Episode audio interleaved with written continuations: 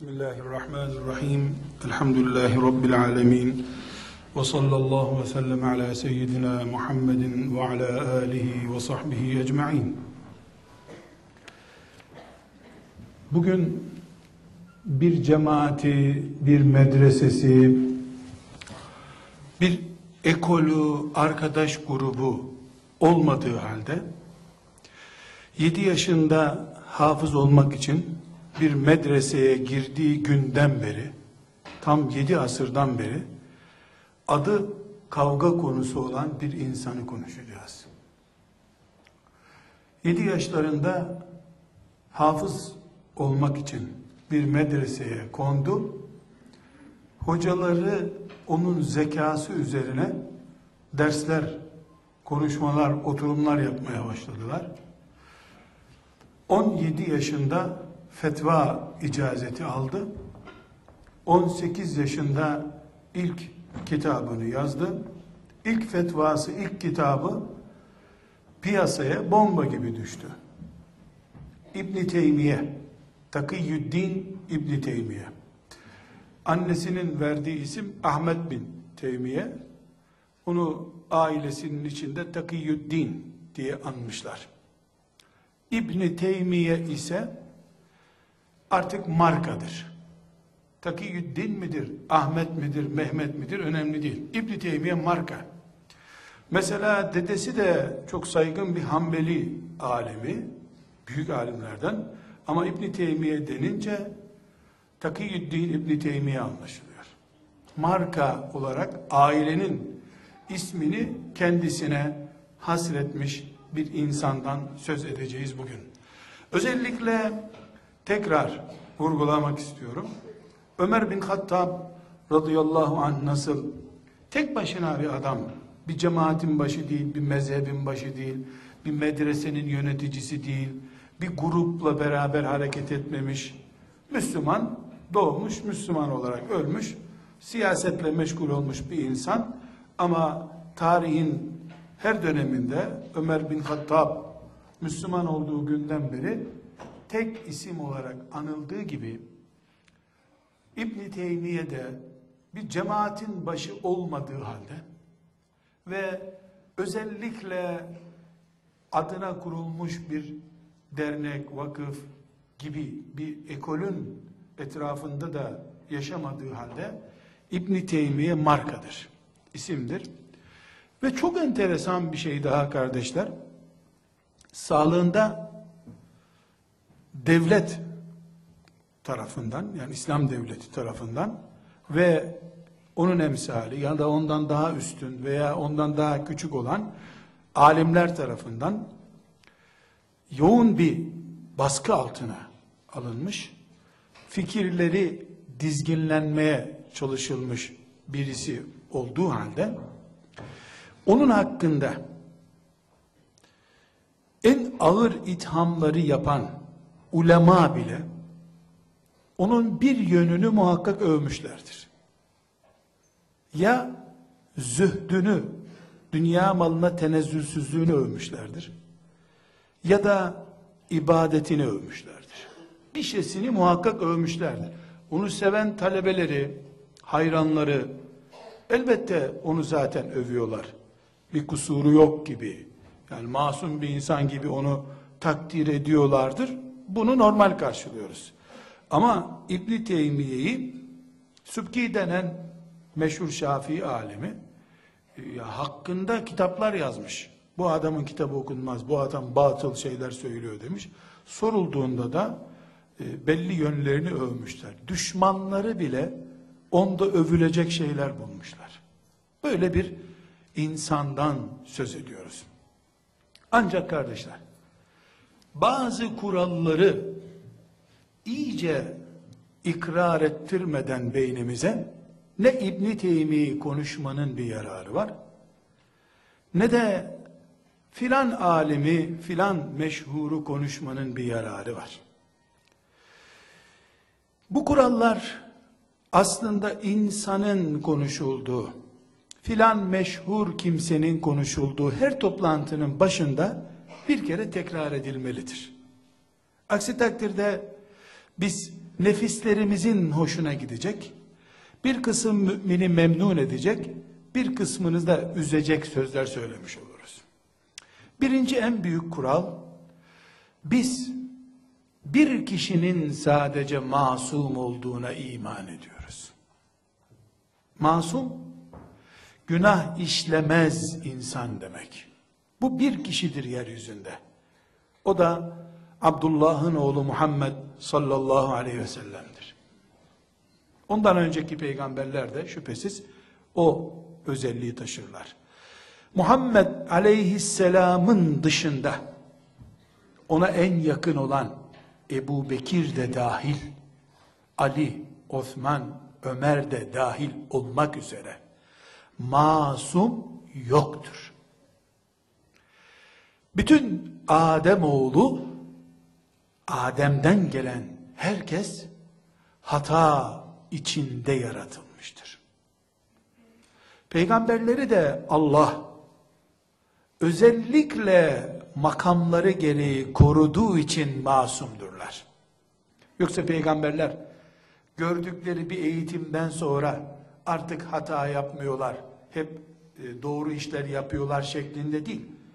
Ruhul Kudüs Cebrail aleyhisselam onların sürekli yanında bulunduğu için melek denetimini aşamadıkları için hata yapmıyorlar.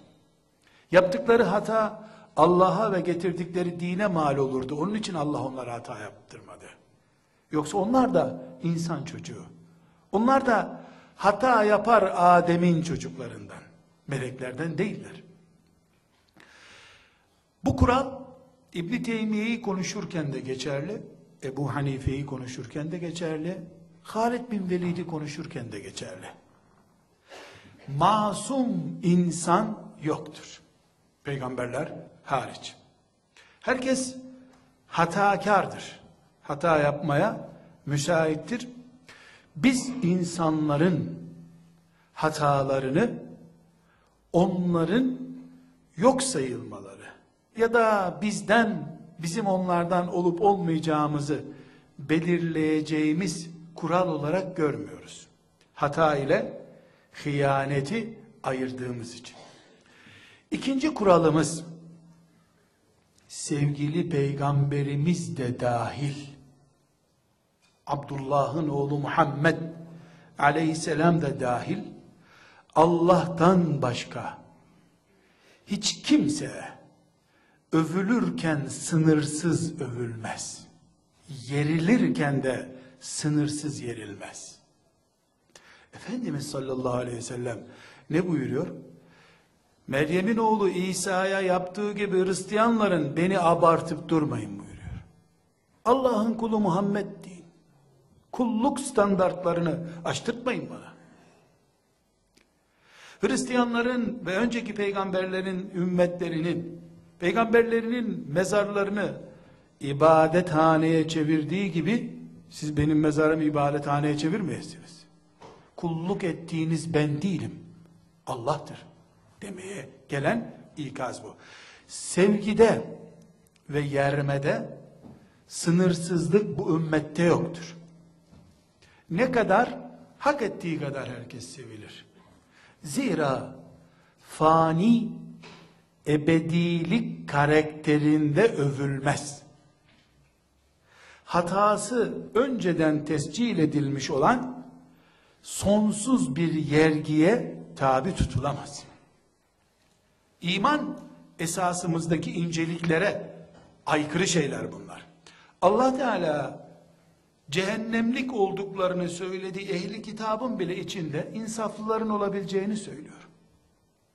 Efendimiz sallallahu aleyhi ve sellemin döneminde alkole bulaşan bir sahabi, sahabi alkole bulaşmış, ashab-ı kiram onu yakalamışlar.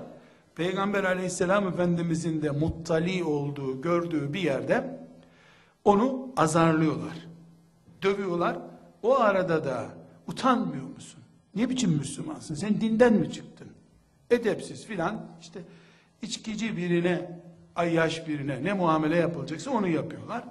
Efendimiz sallallahu aleyhi ve sellem hem dövülen hem de hakaret edilen bu zatın bu karşılaştığı pozisyonu görünce buyuruyor ki durun bakayım durun.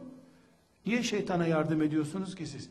Bu adam Resulullah'ı seven birisi. Hiç mi bu iyiliğini görmüyorsunuz bunun? Adamın alkolüne kafayı taktınız, adama gavur muamelesi yapıyorsunuz. Alkolü kadar kınayın, Resulullah'ı seven bir mümin kadar da takdir edin bunu.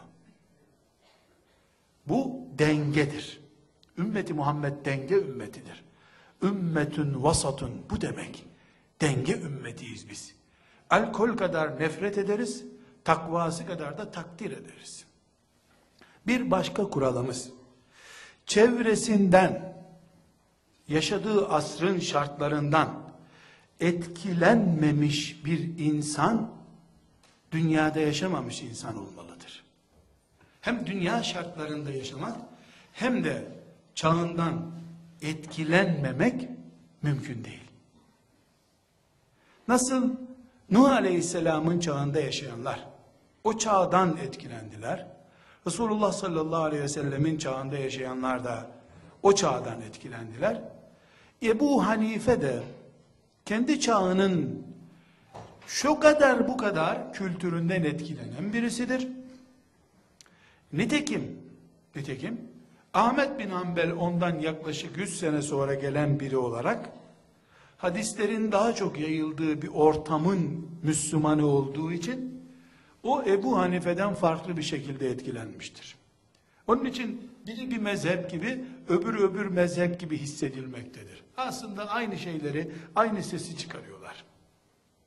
Bu da önemli bir kural. İnsan düşünüp tartışırken, İbn Teymiye olsun veya başka biri olsun, yaşadığı asrı bilmeden herhangi bir şekilde onun hakkında hüküm vermek zulme düşürebilir insana. Bir başka husus kardeşler. Bu İbn Teymiye için de geçerli.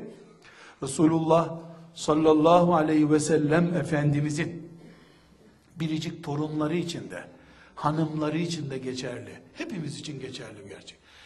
Allah azze ve celle her insana bir rol takdir buyurmuştur. Bunun için filan insanı filan köyde yaratmıştır. Filan insanı filan zamanda yaratmıştır. Onun o zamanda o köyde yaratılması, aynı karakterde bir insanın başka bir köyde yaratılması, bunlar hepsi Allah'ın planında taşların bir yere oturması için gerekli şeylerdir. Taşlar yerine otursun diye Allah Ebu Hanife'yi gerektiği zamanda yaratmıştır. Ahmet bin Hanbel'i de Ebu Hanifeciliğin çizgiyi aşmaya başladığı zamanda yaratmıştır. İnsanların gribe yakalandığı zamanda, kış zamanında portakal mandalina yaratıyor Allah. İnsanların henüz grip olmadıkları, besledikleri zamanda, gömlekle dolaştıkları zamanda da karpuz yaratıyor. Meyveleri böyle bir rol gereği Allah yaza uygun, kışa uygun, bahara uygun yarattığı gibi İbn Teymiye'yi de gerektiği zamanda, Selahaddin Eyyubi'yi de onun gerektiği zamanda, Fatih Sultan'ı da Bizans'ın en çökmesine yakın zamanda yarattı. Bizans'ın Avrupa'nın en güçlü olduğu zamanında Sultan Fatih yaratılsaydı, o rolleri oynamak isteseydi, Yıldırım Beyazıt gibi bir hatıra olarak gelip geçecekti içimizden. Sadece Sultan Fatih'in dev görüntüsü yok ortada. Onu fatihleştirecek ortamı yaratan Allah var ortada. Ve Bizans birbirine düşmüş. Kuşatılmış surlarına rağmen melekler dişi midir erkek midir diye tartışırken gelen Fatih dev bir Fatih oldu. Bizans'ın attığı oku isabet ettirdiği zamanda gelseydi Fatih işte 11 yaşında da gelmişti olmadı o zamanki gibi olurdu. Yani hepimizi buna herhangi bir Müslüman Firavun herhangi bir kafir de dahil olmak üzere her insanı Allah hatta her keçiyi her tavuğu bu yeryüzündeki muhteşem planına uygun zaman ve zeminde yaratmıştır. Onun için keşke ya şu Sultan Fatih şu Fransız ihtilalinden sonra yaratılsaydı. Eh be Fransızlara meydan olsaydı. Kanuni şuraya 20 sene önce gitseydi Viyana'ya diyemezsin sen. Ne zaman en uygun duysa Viyana'ya gitmesi onu o gün yarattı Allah. Yani 20 sene önce kalıpları yetişmedi. İşte annesi babası geç evlendi onun için Viyana'ya mı gönderdi diyeceksin. Yani dil böyle. Dakikalık bir gecikme yok Allah'ın planında. Ahmet'i yetiştiremedi de Allah Mehmet'i onun yerine koydu. Yok böyle bir şey. Her şey değil Ahmet Mehmet insanın bir nutfe değil toprak bile olmadığı Adem Aleyhisselam'ın ses getirmez bir boş e, küp gibi olduğu zamanda bile Allah'ın planı binlerce sene öncesinden hazırdı. Hangi yörede hangi ağacın yaratılacağı hazır olduğu gibi o da hazırdı. Bu da büyük bir hakikat bunu unutmuyoruz. Kimi konuşuyorsak kendimizi düşünüyorsak, çocuklarımızın üzerinde bir plan varsa, çocuklarımızı konuşuyorsak, bizden önceki babalarımızın üzerimizdeki hatalarını konuşuyorsak, 20 sene önceki taktiklerimizi, yanlışlarımızı, doğrularımızı konuşuyorsak, bu büyük planın parçası olduğumuzu unutmadan konuşuyor olmamız lazım. Ve bir hakikat daha kardeşler. O da şudur. Biz ümmeti Muhammed olarak elimizde Kur'an var. Elimizde Resulullah sallallahu aleyhi ve sellem var. Ölçüsüz ümmet değiliz. Kur'anlı bir ümmetiz.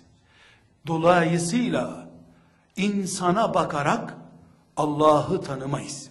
İnsana bakarak hakkı tanımayız. Hakka bakarak, Allah'ın kitabına bakarak insan tanırız. İbn Teymiye, Ebu Hanife, Malik bin Enes, Ahmet bin Hanbel, Muhammed bin İdris Şafii iyi adamlar olduğu için Müslümanlık bizim hoşumuza gitmedi. Onlar İslam sayesinde iyi oldukları için biz onları sevdik ya da beğenmedik. Biz ABC insanını Kur'an'a ayarlarız da Kur'an'ın süzgecinden eleğinden geçerse ona iyi deriz. Elekten geçmeyene Kur'an'ın eleğinden geçmediği için peygamber hadislerine paralel düşmediği için bir insana kötü diyebiliriz. İyi konuştuğu için, iyi yazdığı için, vakfı, serveti büyük olduğu için kimse iyi olmaz, kimse kötü olmaz böyle bir şey yoktur. Bu da şunu gösteriyor. İnsan madem hatasızlık maskesi giyemiyor.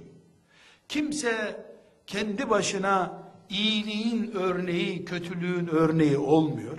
O zaman biz insanları oldukları gibi alırız. Bize Resulullah sallallahu aleyhi ve sellem ve ashabının bıraktığı mirasa uyumları kadar alır, uyumsuzluklarını da gideriz. Aldığımız bir kilo portakala da yaptığımız gibi. Kalitesini alıyoruz, kabuğunu atıyoruz, çürüğünü bir kenara atıyoruz. İnsan da böyle. Çok farklı değil portakaldan. Alim olsun. Hatasından söz edilemeyecek alim olmaz. İncelendiğinde ashab-ı kiramın üzerinde bile yığınla hata bulmak mümkündür. Şu mağaradaki iki adamdan birisi olan kişinin bile biz hadisi şeriflerde bakıyoruz. Peygamberden ikaz aldığını görüyoruz. Ebu Bekir sen yoksa o adamları küstürecek şeyler mi söyledin? Allah'ın dostlarını mı üzdün Ebu Bekir? Bana denmedi Ebu Bekir'e dendi. Mağaradaki iki kişiden biri. Kur'an'la tescil edilmiş azametin sahibi. Ama melek değil. Masum da değil. Doğal, ayıp da değil bunlar. Büyük muhaddislerden ya da cerh tadil alimlerinden olan Zehebi'nin bu konuda alimleri, ümmeti Muhammed'in liderlerini değerlendirme konusunda çok önemli tespiti var. Siyerül Alam isimli kitabında belli yerlerde böyle e, serpiştirmeler yapıyor. Bunlardan bir tanesini diyor ki biz bu ümmetin büyüklerini ilimleri, hizmetleri, zekaları ve hayatlarındaki tatbikatlarına bakarak değerlendiririz. Zehebi diyor. Sonra devam ediyor. Bizim ilminden, ahlakından razı olduğumuz, beğendiğimiz ulemanın doğal olarak ortaya çıkacak hatalarını görmezden geliriz. koca alim sana bunu yakıştıramadım sen de sapıtmışsın demeyiz. Ona da insan olarak yanılma hakkı veririz. Onu muhasebe edip şu kadar yıllık hizmetini yok saymayız. Buna rağmen yanlışını da taklit etmeyiz. Ondaki güzellikleri alır, yanlışıyla da onu baş başa bırakarız. Diyor İmam Zehebi rahmetullahi aleyh. Bu neyi karşımıza çıkarıyor bizim? Zehebi gibi bir adam, binlerce alim hakkında olumlu olumsuz kanaatler belirtmiş birisi, kimsenin masumluk karakterinde görülemeyeceğini, görmenin hata olacağını anlatan tespitini bize söylüyor. Kardeşler, İbn Teymiye'yi konuşacağız. Ama İbn Teymiye'nin doğumuna kadar olan süreci bir kere daha hatırlamamız lazım. İslam garip başladı biliyorsunuz. Bir kişiyle iki kişiyle başladı. Yedinci kişisi çocuk olan bir din olarak başladı. Gariplerin dini sadece 20 yılda zafere ulaştı. Allah lütfetti. Mekke'nin fethiyle beraber gariplik süreci bitti. Sonra Resulullah sallallahu aleyhi ve sellemin vefatından sonra onun ashabı her biri mobil vakıf haline geldiler. Şimdi biz vakıflar kuruyoruz. Müslümanların çocuklarını bize getirmelerini istiyoruz. Dernekler kuruyoruz. İlanlar veriyoruz. Çocuklar bize gelsin diyoruz. Onlar mobil vakıf haline geldiler.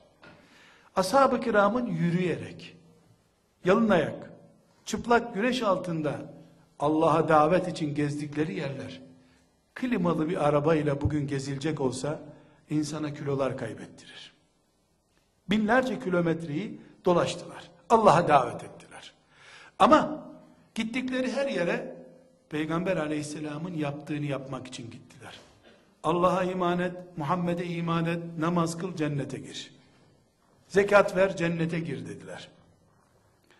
Çiçeğe bak, bu çiçekler ne kadar güzel. Bu güzel çiçeklerin Rabbine iman et demediler. Kur'an kavanozundan ballar sundular insanlara. Ayet okudular sadece. Çünkü onlar da felsefe ve mantık bilmiyorlardı. Kızıl bir cahillikten geldiler. İlk tek ve son Kur'an'ı öğrendiler. O Kur'an'ın açıklaması olan hadis-i şerifler öğrettiler.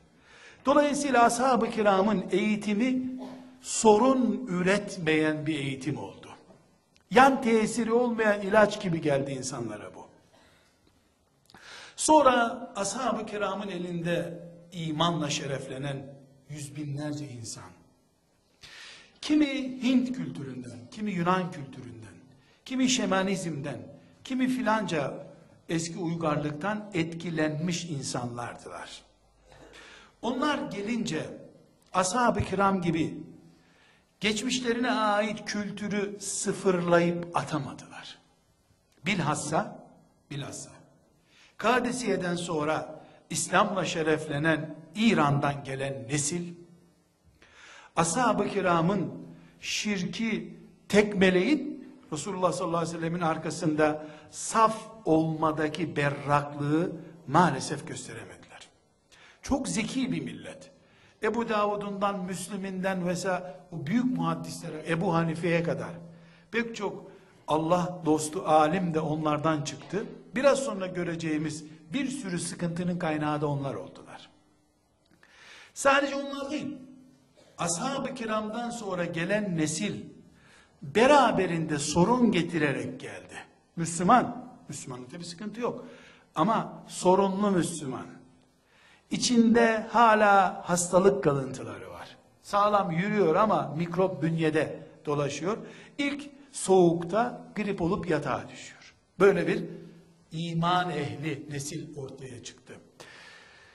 O gelen nesil yani ashab-ı kiramın eliyle Müslüman olan nesil 100. yıldan itibaren Resulullah sallallahu aleyhi ve sellemin vefatından sonraki 100. seneden itibaren İslam'ın içinde ekoller oluşmasına neden oldular. İlk defa imanın esaslarından birisi olan kadere imanla cedelleşilmeye başlandı. Vardır yoktur etsek de olur etmesek de olur tartışmaları başladı. Bu dış güçlerin etkisi ama dışarıdan etki değil. Dış güçlerden intikal edenlerin beraberinde dezenfekte edilmeden getirilmiş sorunlarıydı bunlar. İslam o günlerinde dış güçlerin etkisinde kalacak bir din değil. Müslümanlar dış güç sorunu o zaman yaşamıyorlardı. Neden? Çünkü yüzde yüze yakını kadınıyla erkeğiyle hepsi şehadete hazır bir ümmete dış güçlerin yapabileceği bir şey yoktur.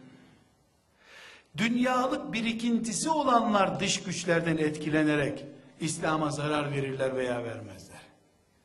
Dış güçler dediğin enayi değil, ölümü göze almış insanlarla nasıl uğraşsın? Yermük'te kaç bin kişinin önünde, 70 küsür bin kişinin önünde 5-10 bin kişilik bir ordunun şehadete koşuşunu gördükten sonra Roma enayi mi niye bir daha gelsin? Bunun için o zamanki sorun mescitlerde üremiş bir sorun oldu. Neydi bu sorun? Kur'an'ın temeline ait şeylerde münazaralar, tartışmalar, görüş belirtmeler ortaya çıktı. Bu ciddi bir felsefe etkisiydi. Felsefe yani eski milletlerin, Yunan, bilhassa Yunan felsefesinin ciddi bir etkisiydi. Bu ikinci asrın sonlarına kadar şok edici etkiler yaptı. Ama yine camilerde, e, mescitlerde, meydanlarda bir gözle görülecek sorun değil. Laboratuvarda hissediliyor. Bunu Ebu Hanife anlıyor. İmam Şafii anlıyor ama Müslümanların, imamların, hocaların anlayacağı düzeyde bir sorun değildi bu sorun. Sonra Ebu Hasan el-Eş'ari Eş'ari mezhebinin imamı olan e, zatın himmetiyle Müslümanlar bu soruna karşı kelam ilmini geliştirdiler.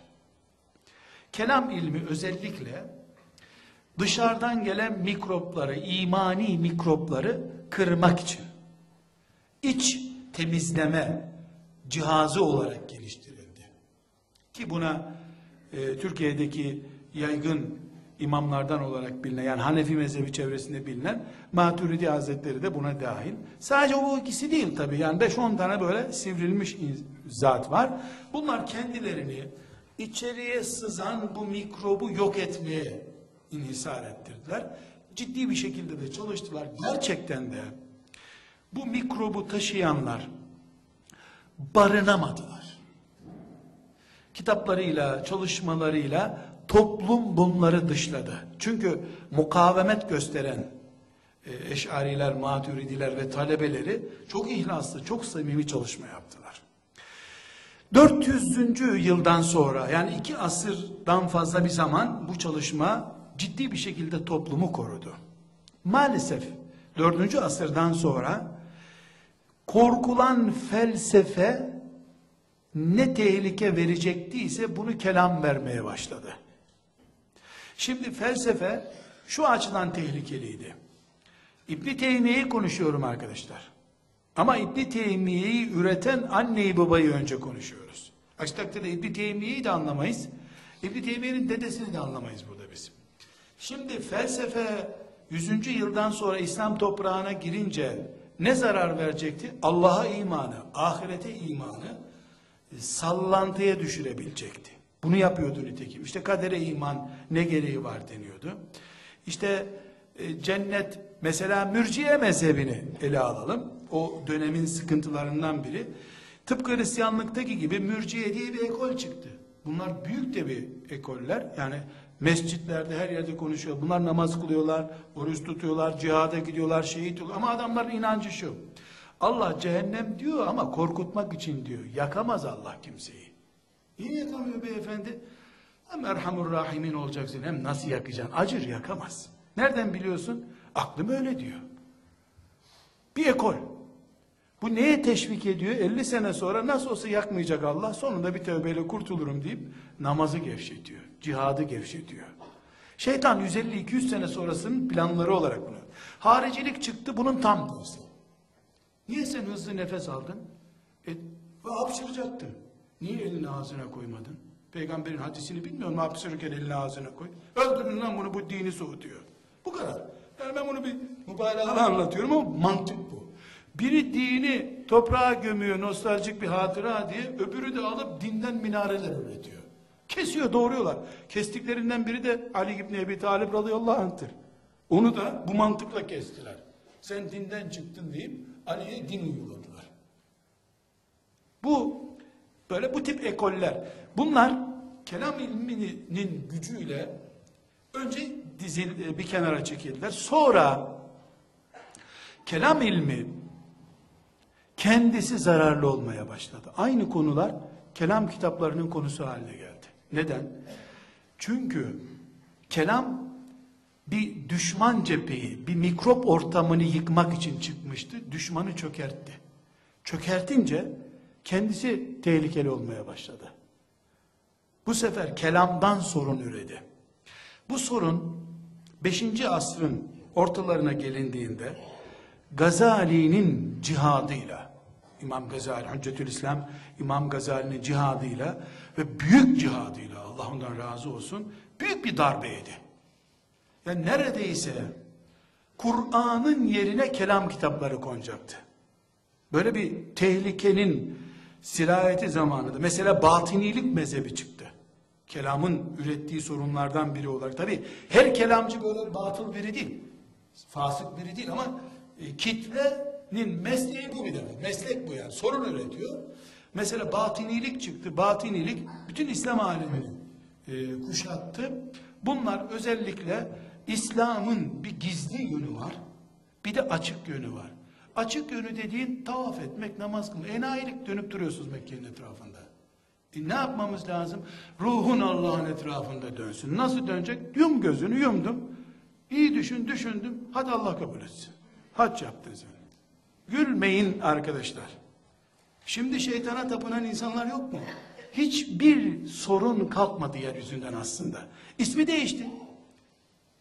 Şimdi şeytana tapınan var, ineğe tapınan var. İnsanın şehvet organını put edinip tapınan var. Yeryüzü hala karışık. Kıyamete kadar da böyle devam edecek. Bunun adı imtihan. Bu bataklıklardan çıkıp sabah namazına gidenler kurtulacaklar. Bu bataklığın bir tür adı internet tutkunluğudur. Dizi film tutkunluğudur.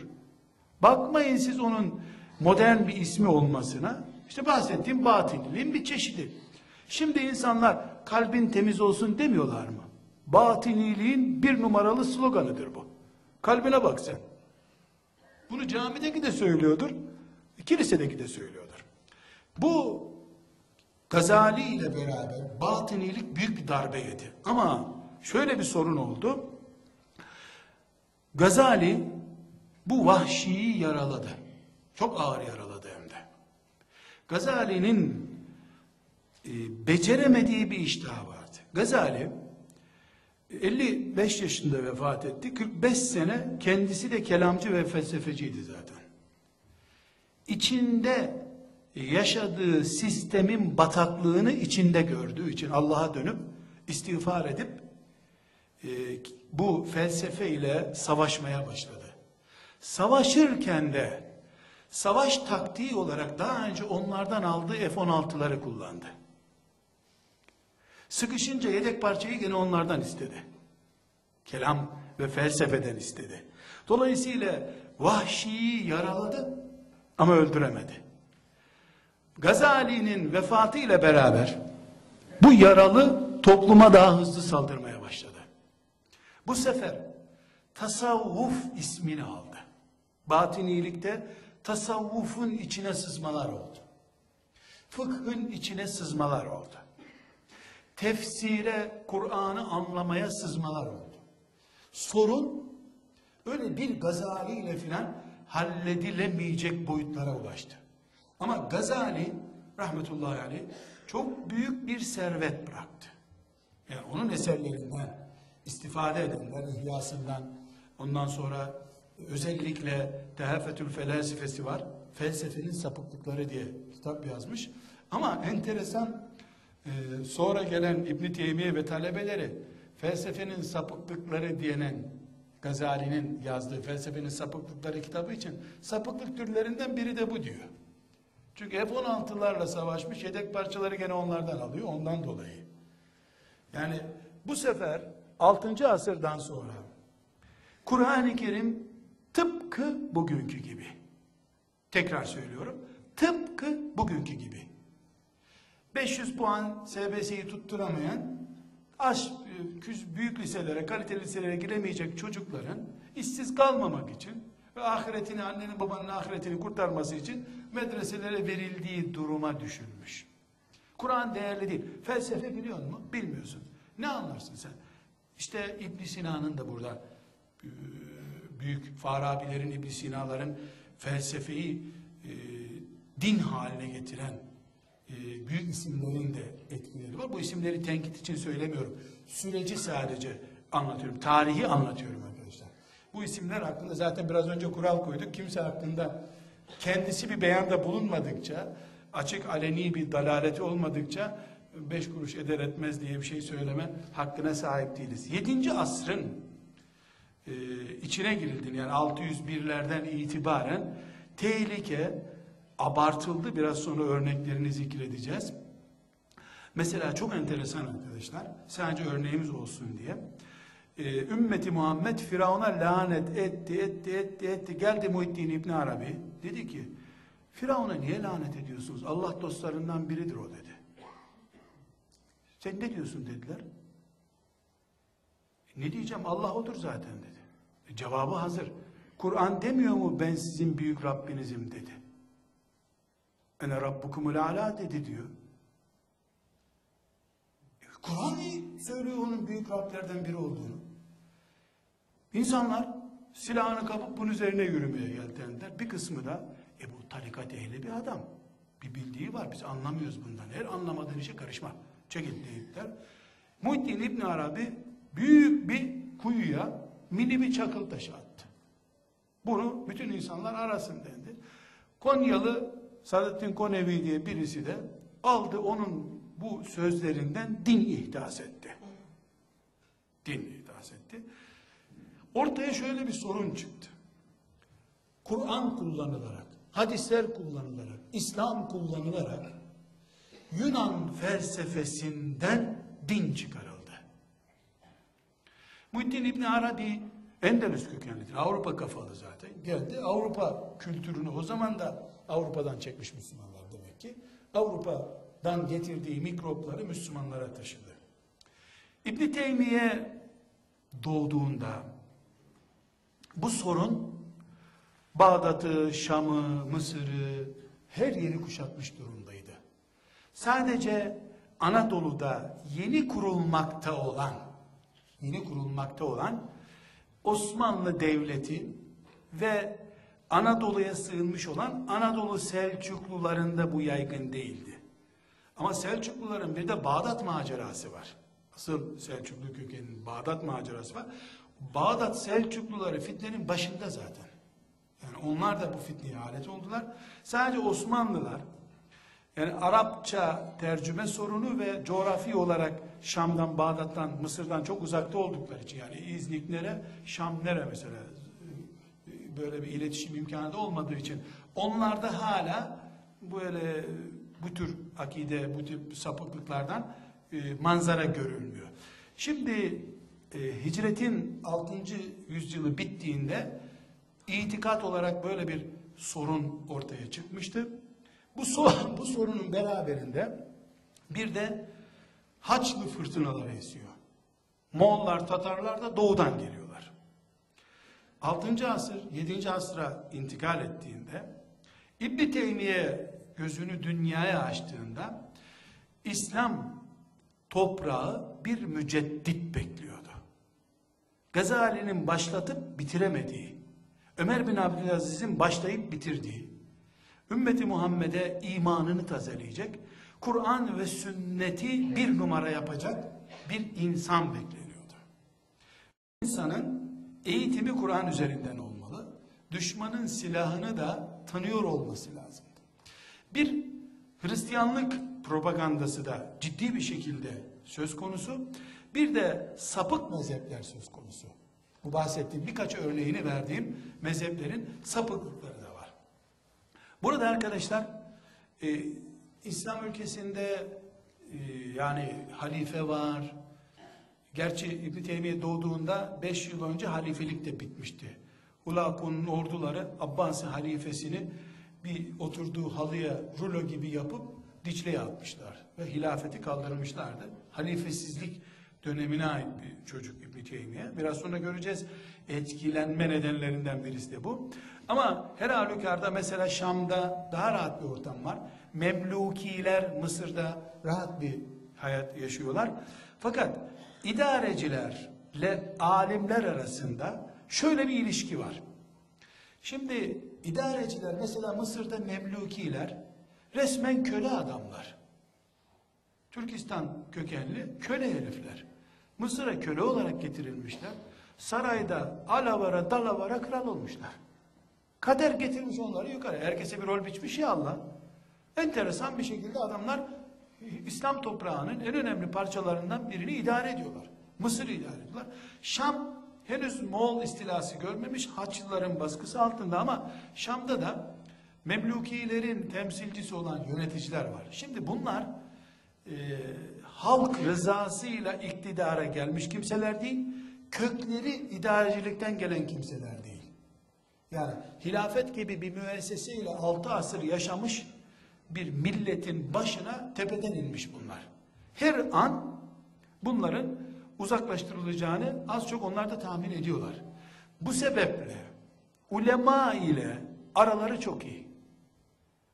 Ulema ile aralarının iyi olması ne demek? Alimlerin en üst bürokrat kadar rahat yaşamaları demek. Ne buyurursunuz efendim diye sık sık onlara soruyorlar. Onlar da bir daha da sorulsun ne buyurursunuz diye en hafifinden alıyorlar bu işi.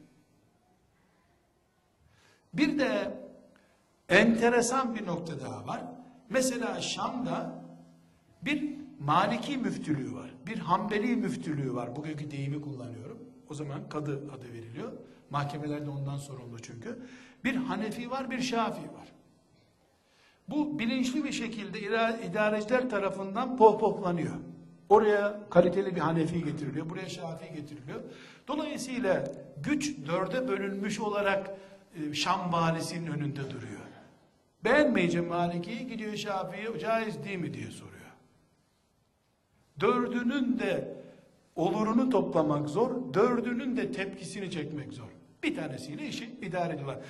Ulema ile siyasetçiler arasındaki bu aldı verdiler ilimde otorite bırakmamış bu sefer. Halbuki İbn Teymiye'nin doğduğu asır yani 6. ve 7. asır ilmin zirvede olduğu asırlardır. Çok büyük alimler yetişmiş ama şaka maka alimler değil yani Ebu Hanife düzeyinde değilse Şafii düzeyinde değilse bile e, sıradan olmayan alimler yetişmiş fakat ilmin kendisinde heybet yok. Ve Bağdat çökmüş. Bağdat'ın yani hilafet merkezi olan Bağdat çökmüş. Bağdat'la beraber ilimde düşüş oranı da ya da alimlerin heybetinde düşüş oranı da çıkmış. Bu arada işte Allah'ın o büyük ezeli planında ebediyete kadar uygulanacak olan o ezeli planında arkadaşlar Allahu Teala İbn Teymiye'yi gönderiyor. İbn Teymiye Urfa doğumlu. Harran denen yerde doğmuş. 6 yaşındayken o Moğollar Urfa'ya geliyor diye Şam'a kaçmışlar. Dolayısıyla İbn Teymiye bu toprakların yani bu şu andaki Anadolu topraklarının çocuğu. İbn Teymiye'nin arkadaşlar dört temel karakteri var. Ortaya çıkarken İbn Teymiye 10 yaşında, 20 yaşında, 67 yaşında vefat etmiş. Ee, yani o her 10 yaşında dört kelime İbn Teymiye ile beraber sıyrılmış. İlim, amel, kılıç, kalem. İbn Teymiye demek ilim, amel, kılıç ve kalem. Ciddi bir şekilde e, cihatlara katılmış. Valilerin, halifelerin korkup kaçtığı yerlerde onları kılıcıyla kaçamazsın diye cephete tutmuş, en önde savaşmış. Yazı yazıyor, yazısı tesir ediyor. Kılıcını alıyor millet peşinden gidiyor. Konuştu mu zaten duramıyorsun. Enteresan bir espri noktası vardır. Tarihte biliyorsunuz Müslüman olduğu halde en çok katliamı Haccac İbni Yusuf Es-Sekafi diye birisi yapmış. İşte bildiğiniz gibi ashab-ı kiramdan da öldürdükleri var. Yani 20 bin kişiye yakın insan öldürdüğü mahkeme kararlarıyla. Kendisinin kurup savcı hakim olduğu mahkemelerde 20 bin kişiye yakın insan öldürdüğü söyleniyor ama o kadar büyük değildir. 19 bindir. Yani 10 bin değil ama öldür. Çünkü sus mus yapmış bütün İslam alemine. Ne hırsızlık var, ne bir şey var. Sessiz bir İslam alemi çıkarmış. Uzun yıllarda e, Irak bölge valisi olarak iktidarda kalmış. Şimdi çok enteresan bir şekilde e, katliamıyla meşhur, insan öldürmesiyle meşhur birisi. E, bir gün birisine sormuşlar, nasılsın? Elhamdülillah demiş. Haccacın kılıcından kurtuldum, bana isabet etmedi. İbn Teymiye'nin de kaleminden kurtuldum. Ne isteyeyim Allah'tan demiş. Şimdi birinin kılıcından kurtuldun mu yetiyor sana, birinin de kaleminden kurtuldun mu yetiyor. Yani kılıç gibi bir kalemi var. Biraz sonra eserlerinden örnekler göreceğiz inşallah. 1263 yılında yani Osmanlı'nın e, şu çadır devletini e, kuracağı yıllarda yani Osmanlı'nın devlet olmaya çalıştığı yıllarda 1263 yılında e, 661 yılı yapıyor bu hicri rakamla. 1263 yılında İbn Teymiye doğmuş. Şimdi kardeşler tekrar İbn Teymiye'nin doğduğu yılların e, siyasi coğrafyasını hatırlayalım. Osmanlı Devleti'nin kuruluş yılları dediğimize göre yıkılmak üzere olan bir Selçuklu var. Demek ki bundan anla. Ee, yıkılmış, Bağdat'ta yıkılmış hilafet devleti var önümüzde. Peş peşe gelen ve yakıp yıkan bir Haçlı orduları var. Doğudan da Hulaku'nun orduları, Tatarlar, Moğollar geliyorlar. Artı batınilik içten içe yiyor. Batıninin kökeni de Rafiziler yani bu İran diyelim. Ve e, Selçuklu devleti eriyor. Onun yerine yeni yeni bir devlet kuruluyor. Osmanlı devleti kuruluyor. İbn Teymiye'nin doğduğu dönem bu dönem. Bunun Türkçesine siyaset yok. Devletin sınırı diye bir şey yok. Hayat güvencesi yok. İmanını fitneden korumak çok zor. İbn Teymiye'de yani İbn Teymiye'nin doğduğu toplumda canını kurtarıyorsun Moğollardan Haçlılar tehlikesi var. Haçlılardan kurtarıyorsun halifenin adamlarından bir adamsın diye seni yakalıyorlar. Ondan kurtuldun batinilik, batinilik imanınla oynuyor. Filan batıl mezhep gelip imanını sallıyor. Böyle bir dönemde İbn Teymiye doğdu. Şimdi arkadaşlar e, İbn Teymiye mezhepsiz bildiğiniz gibi. Hani biraz da halkça konuşayım anla. İbn Teymiye büyük mezhepsiz hem de. Çok büyük mezhep. Bu dönemde İslam adına mezhep mi var ki İbn Teymiye mezhebi olsun? Din gidiyor.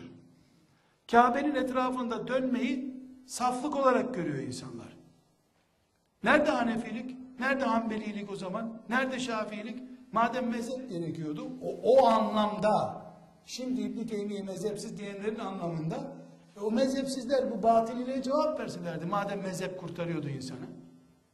Arkadaşlar bir insanın e, yani tansiyonu var, doktor ona bir ilaç veriyor. Ayağı ağrınca da o tansiyonu, tansiyon ilacından yiyor. Kolu kırılıyor, tansiyon ilacından yiyor. E bu yani her zamanın değişik bir rolü var. Her rol için Allah bir kulunu yaratmış diye bir söz söyledik. İbn Teymiye'nin zamanında mezhep diye bir sorun yok. İman diye bir sorun var. Din gidiyor.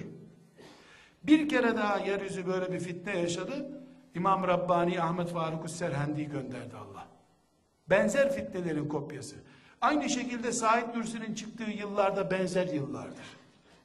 Yani İbn Teymiye biraz sonra göreceğiz. Mezhepsiz değil. İftira, büyük bir iftira bu. Sebeplerini de konuşacağız bu iftiranın. Ama özellikle mesele iman meselesine düşmüş. Namus meselesine düşmüş. Kimsenin mezheplerdeki fıkıh kitaplarına bakacak hali yok. Bir olay var mesela. Ee, İbn Teymiye'nin de bulunduğu bir yerde e, kadıya gelip birisi diyor ki dar bir durumdayım Allah'ın hükmü nedir ona göre hareket edeceğim diye bir soru soruyor. O da diyor ki İmam Züfer'e göre bunu yapman caizdir diyor. İbn Teymiye biraz önce dedik ki sözü fena bir adam ayağa kalkmış. Kadı Bey, Kadı Bey demiş. Sana Allah soruyor, Allah'tan soruyor, sen Züfer diyorsun. Allah'ın adı ne zamandan beri Züfer oldu diyor. Şimdi bu mezhepsizlik tepkisi olarak görülüyor. Değil kardeşim. Mezhepsiz. Adam sana Allah beni hesaba çeker mi kıyamet günü diyor. Sen Züfer'in içtihadına göre çekmez desen doğruydu bu. Sen Züfer'i çıkarıyorsun adamın karşısına. O da tepkisini gösteriyor. Ne zamandan beri Allah'ın adı Züfer oldu diyor. Bakış tarzı önemli tabii. Kardeşler İbn Teymiye e, çok erken yaşlarda zekasının bereketini gördü. Ama bülbülün çektiği dilindenmiş ya. İbn Teymiye 67 sene yaşadı. Son 34 senesinde 7 defa hapsedilmiş. Kalelerde hapsedilmiş. Hapse girerken ki en büyük baskı da yanına kalem kağıt almayacaksın demişler. Kalem kağıdı yasak. Ne yapmış arkadaşlar? Talebe almış yanına ziyaretçi kılığında. Talebelerin elbisesine, gömleklerine yazmış kitaplarına. Adamda kafa var. Ee, başka türlü sorunu çözmüş. Evlenmemiş bir Müslüman. Tabi tam evlilik çağında kendini cihadın ortasında bulmuş, evlenememiş. Bu evlenmemek sünnete aykırı bir tutum ama evlenmeyen tek alim o değil. Meşhur muhaddis Darimi de bekardır. Meşhur müfessir Taberi de bekardır. Nevevi de bekardır. Bunların evlilikleri büyük ihtimalle kitaplarla falan olmuş olabilir. Arkadaşlar İbn Teymiye'ye giriş yapalım. İbn Teymiye Arapçada deha bir adam. Sanki Arapçayı o kurmuş, yazmış gibi bir adam. Ama çok iyi İbranice biliyor. Çok iyi Latince biliyor, çok iyi Türkçe biliyor. Hakim Devlet Selçuklu diye Türkçe öğrenmiş. Yunan felsefesine cevap vereceğim diye Latince öğrenmiş. Ehli kitabın sapıklıklarını bizzat Tevrat'ın asıl nüshalarından çözmek için de İbranice öğrenmiş. Bu tabi onun Arapçasını zayıflatmamış. İlk yetişmesi Kur'an üzerinde. 7 yaşlarında hafız olmuş. 17 yaşına kadar Sahih-i Bukhari, Sahih-i Müslim, Ebu Davud, Tirmizi, Nesai, İbn Mace, Ahmet bin Hanbel'in Müsnedi, Darekutni'nin Süneni ve Tabarani'nin Mu'cemul Kebir'ini ezberlemiş. Ben şimdi tahminen söyleyeyim. Yani bunların her birini ortalama 5 cilt kitap kabul etseniz Tabarani'ninki 30 cilt. Nasıl sayacağız bu ortalamayı nasıl bulacağız? Yani bunlar yaklaşık 60-70 cilt içinde 100 bine yakın hadis bulunan kitaplardır. Bu 100 bin hadisin içinde de hiç değilse 300-400 bin tane isim vardır. Bu isimler böyle alfabetik içine girmiş. Bu 17 yaşındayken İbn Teymiye'nin bir tür bilgisayar gibi bir kafaya sahip olduğunu gösteriyor. Niye Allah ne zaman ne lazımsa onu gönderecek ya. İbraniceyi çay içer gibi öğrenecek. Latinceyi de kahve içer gibi öğrenecek. Zeki kul yaratmış Allah Teala. 7 yıl Yunanistan'da kalacaksın. 7 yıl e, şurada kalacaksın. Şu dili böyle öğren. Dil öğrendin. Dil bittikten sonra ömrün bitti zaten. Gitti. Yapacağın iş de bitti. 7 gün 8 günde dil öğrenmiş adamlar. Yani İbn Teymiye bunun tek örneği değil. Arkadaşlar İbn Teymiye'nin 67 yıllık hayatında 4 kalem var. Yani 4 işe imza atmış. Birincisi yaşadığı zamanın alimlerinin aksine 21 yaşında siyaset kitabını yazmış. İslahur ra'i ve ra'iyye diye kitap yazmış. Yani yöneticinin ve yönetilenin düzeltilmesi diye kitap yazmış. Siyasete erken yaşlarda müdahale etmiş. Bu ömrünün sonuna kadar devam etmiş. Mesela e, Moğol tehdidine karşı gafil gezen Mısırlı Memlukileri ikaz etmek için kalkmış Mısır'a gitmiş. Allah'tan korkun niye cihat orduları hazırlamıyorsun demiş. Hapsetmişler iki sene. Sen böyle nasıl konuşursun kralımızla diye. Orada ilk hapis hayatı, Mısır'daki ilk hapis hayatı öyle başlamış. İkinci olarak İbn Teymiye e, toplumun yeniden nebevi kılık alması için bid'atlerin kökten kaldırılması gerektiğini düşünmüş. Bu da bid'atlerle savaş diye bir başlık mi? Bunun için pek çok alimin, hatta onun talebelerinin bile, yani çok üzerine düşmedikleri, hafiften aldıkları pek çok bid'at, İbn Teymiye'ye göre ölümcül suç. Biraz sonra konuşacağız inşallah. Bu da onun çok tepki görmesine neden. Hatta ve hatta ileri gittiği de olmuş. Şimdi onun gibi bir adamı ben tenkit ediyorum işte. Ahir zamanda bu. Yani çok da ileri gitmiş. Mesela mezarlara gidip görüyor, Şam'da görüyor ki Rafizi'nin biri gidip Medine'de para harcayacak yerde Şam'da Ehli Beyt'ten birinin kabrini ziyaret ederim diyor. Bu sözü söyleyene ne diyeceksiniz siz? Adam resmen kimle kimi kıyas ediyor. Normal bir türbe ziyaretini din olarak görüyor insana. Bu da tutmuş. Resulullah'ın kabri dahil kabir ziyareti bidattır demiş. Yani bir taşa bin taşla cevap vermiş. Bunun için de bir hapis yatmış tabi. Bunun için de mi? Yedi defa hapis hayatı. 30 yıldan, 30 küsür yılda yedi defa hapis yapmış. Üçüncü olarak da arkadaşlar, e, Yahudi ve Hristiyanlarla ciddi savaşı var. Çok ciddi ama savaşı var. Dördüncüsü de batınilik ve rafizilik. Yani bugünkü anlamlarda söylememek için özellikle bu isimleri kullandım. Şii kökenli diyeyim ama Şiilik değil. Şiilik şimdi başka bir kılıkta. Rafizilik ve batınilik Şiilikten üretmiş, üremiş üç gruplar. Aşırı gruplar. Bunlara karşı ilk defa ordu kurulup savaşılması planını yapan İbn Teymiye'dir. Devlet adamlarını ikna etmiş. Bunları dağlarda kuşatıp vaazlar etmiş, iman etmeyenlerini öldürtmüş. Yani hiç siyasetle ilgisi yok ama dili ve kalemi sayesinde ordular bunun emrine girebiliyor. Böyle bir yeteneği var. İbn Teymiye dört şey. Bir, siyasetle ilgilenmek ki o zamanın alimleri efendim diyen alimler, siyasetçiler efendim diyorlar.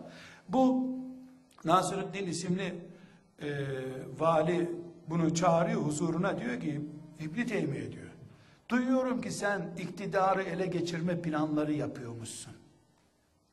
Bunun için böyle şu bidattır bu bidattır diyormuşsun. Diyor. O da diyor ki sen beni herhalde tanımıyorsun diyor. O zamanki en büyük ordu Moğol ordusu biliyorsunuz.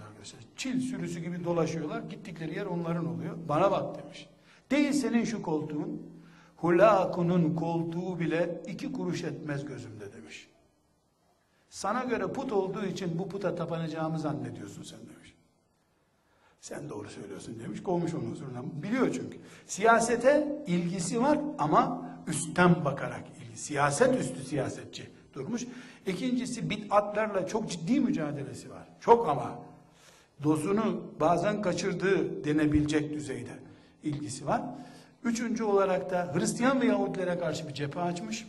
Bundan da ayrıntılar konuşacağız inşallah.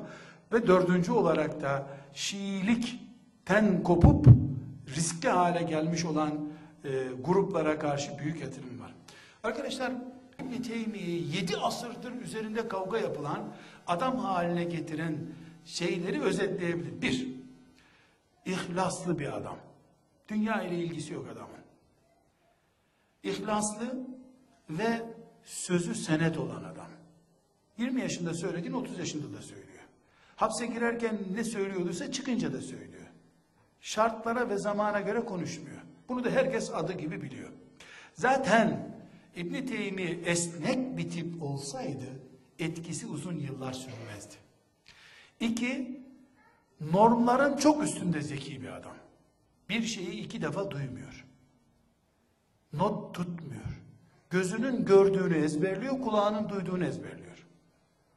Zekası çok ileri. Üçüncüsü cihadı teşvik ediyor, kendisi de cihad ediyor. Moğollara karşı cihad etmiş, Haçlılara karşı cihad etmiş, iç isyanlarda cihad, cihad ediyor. Ve bir başka özelliği İbn Teymiye zahid bir adam. Mala mülkte gözü yok. Babasından mal kaldığı halde onu talebelerine burs olarak dağıtmış. Ve bir başka özelliği maalesef bu özelliği başının belası çok sert. Merhametli ama çok sert. Mesela şimdi e, diyelim ki gerçek olarak söylüyorum, örnek ol- anlaşılsın diye söylüyorum. Birisinin abdesti hızlı aldığını görüyor. Normalde bir çocuğa nasıl söylenir bu? Böyle abdest aykırı denir. Büyük yaparsa bunu bu sünnete ters denir. Bunu İbn Teymiye söyleyecekse eğer şu şekilde söylüyordur. Sen sen ey ateşten başkasının o derisini yıkamayacağı adam. Sen cehennemde mi abdest oluyorsun? Ne yapıyorsun sen? Bu yaptığın Resulullah'ın sünnetine ters değil mi? Hristiyanla farkın ne senin? En adil söyleyeceği sözler budur. Çünkü İbn Teymiye'nin sünnete aykırı bir şeye tahammül etmesini beklemek mümkün değil. Deli, sünnet delisi. Sünnetle delirmiş. Peygamber sevdası neredeyse peygamberde bile kusur bulacak hale getirmiş onu. Böyle yani mübalağayla bunu söylüyorum. Bu tarzda şiddetli biri. Ağzı sert, eli sert. Biraz sonra tekrar gelecek inşallah. Biraz sonra havale ediyorum. Sıkışınca vakit bitti diyebilmek için tabii. E, Minhacü Sünnesi var. Şiilere karşı yazdığı. Hazreti Ali'nin e, Ebu Bekir'den önce halife olması gerektiğini, Ebu Bekir'in yolsuz biri olduğunu, Ömer'in yolsuzluklarla iktidarını ayakta tuttuğunu anlatan e, meşhur Minhacül Kerame isimli bir kitaba karşı yazdığı Minhacü Sünnesi var. Yani orada bir şeyi anlatırken ya Firavun'u anlatıyordur ya Haman'ı anlatıyordur zannedersin. Yani çok enteresan, sert bir muslubu var. Ee, ama arkadaşlar e, öbür türlü de ses getiremezdi şüphesiz. Herkesi Allah e, planına göre zamanında yaratmış. Yumuşak bir adam Şam'da kaybolur giderdi. İbn Teymiye arkadaşlar Ebu Hanife'de, Ahmet bin Hanbel'de, Ebu Yusuf'ta, İmam Züfer'de içtihad için hangi şartlar gerekiyorsa İbn Teymiye o şartlara sahip bir müştehittir. Bunu düşmanları da böyle kabul. Şimdi bunu benim başka fırkalardan olduğumu anlatmak için belge olarak bu sözümü kullanılacak ama ben Hanefi mezhebinin büyüklerinden onu görenlerin e, sözlerini belge olarak kullanıyorum. Müştehittir diyorlar. Müştehit hata etmez birisi değil ki. Bunun müştehit olduğunu söylemek, masum olduğunu söylemek, iştihat etti, iştihatlarında yanlışlar vardı. Ayrı bir konu. Ama müçtehittir. Onun İmam Züfer'den aşağı kalır bir yönü yoktur. Eğer eğer Kur'an sadece mezheplerden birisinin kitabı ve diğerlerinin de o kitaba bakma hakkı yoksa ona bir diyeceğim yok tabi. Kur'an ümmeti Muhammed'in kitabıysa e, Ebu Hanife kadar İmam Şafii de ondan istifade etmiştir. O da müştehittir. Zaten onlar biz müştehitiz demediler hiçbir zaman. Sonraki nesiller müştehit olduklarını anlatan İbn Teymiye de aynı şekilde müştehittir. Zira yaşarken Şeyhül İslam diye adlandırılan tek alim İbn Teymiye'dir. Hayatında Şeyhül İslam ünvanı verilmiş ona. Bizde verilmiş bir ünvan ama resmi ünvan olarak. Resmi ünvan olarak kadronun adı Şeyhülislamlık kadrosu. Oraya oturmuş hak ediyor etmiyor öyle değil. İbn Teymiye e, 60 yaşına geldiğinde onu hapse atanlar tarafından Şeyhülislam olarak tutanaklar tutuluyor. Takiyüddin İbni, İbni Teymiye demiyorlar da Şeyhülislam Takiyüddin İbni Teymiye atılmıştır hapse tutanak tutuyor, zabıt tutuyorlar. Bir başka e, özellik İbni Teymiye'de bütün şiddetli e, sert ağzına, mantığına, kalemine rağmen ümmetin ashabına, ashaba ve dört büyük imama karşı ağzından bal akan birisidir. Ne Ebu Hanife'ye, ne Şafii'ye, ne Malik'e toz kondurtmaz.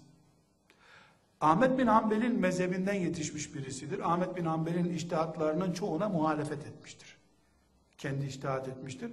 Ahmet bin Hanbel'e toz kondurtturmaz ama. Yani kaba saba biri değil, şiddetli biri. Ve haksız biri değil. Bir başka özelliği kardeşler İbn Teymiye sabır abidesi bir adam. İşkenceler, açlıklar, sefaletler hiçbir şekilde İbn Teymiye yıldırmamış. İbadetine çok düşkün birisi. İbadet ehli. Bu düşkünlüklerini de e, talebelerinden öğreniyoruz. Sabrını, sebatını, ibadetini gösteren enteresan bir tespit var. Assaf isimli birisi Hristiyan, Şam'da yaşıyor. Efendimiz sallallahu aleyhi ve selleme sövmüş. Dört mezhebe göre Peygamber aleyhisselama sövmenin cezası ölümdür. Bu bunu anlayınca gitmiş valinin akrabalarından birine sığınmış.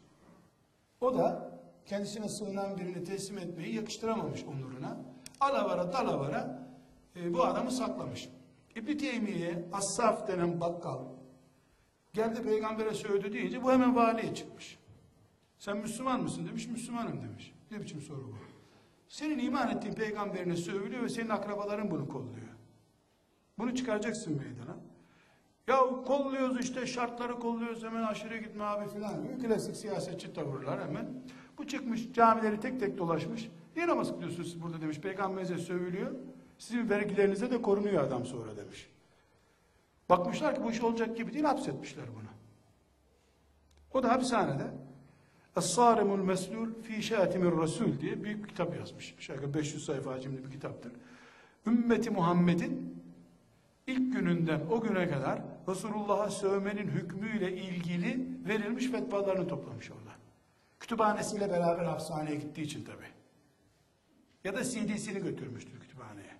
Arkadaşlar yani kütüphanede kalem yok bir şey yok. Kafa kütüphane ama. Gittiği yere kafa olarak gidiyor.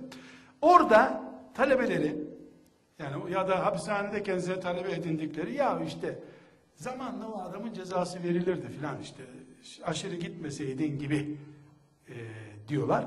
Seyyid Kutup rahmetullahi aleyh diyor ki bir mücahidin başına gelecek en büyük bela kafirlerden darbe yiyince akrabalarının arkadaşlarının ona sen de aşırı gittin demesidir diyor. Bunu duymak kafirin kurşunundan daha kötü daha ağır diyor rahmetullahi aleyh. Orada arkadaşları böyle ya işte sen de çok riskli sözler söylüyorsun deyince e, Mecmua'ül Fetava isimli e, bir 34 ciltlik fetvalar kitabı var onun. Orada e, cevap veriyor şimdi. Bu soruya cevap veren diyor ki ben neden korkayım ki diyor. Bu hapishanede öldürülecek olsam Allah'ın izniyle şehit olurum. Ve kıyamet gününe kadar müminler bana rahmet okurlar peygamberlerini savunduğum için.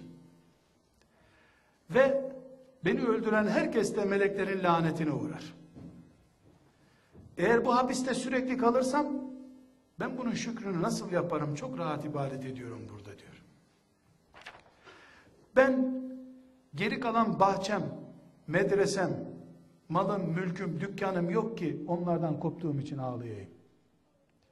Ama siz buraya girerken anahtarlarını yanına alamadığınız dükkanlarınızdan, evlerinizden korkuyorsunuz. Siz ağlayın, beni merak etmeyin.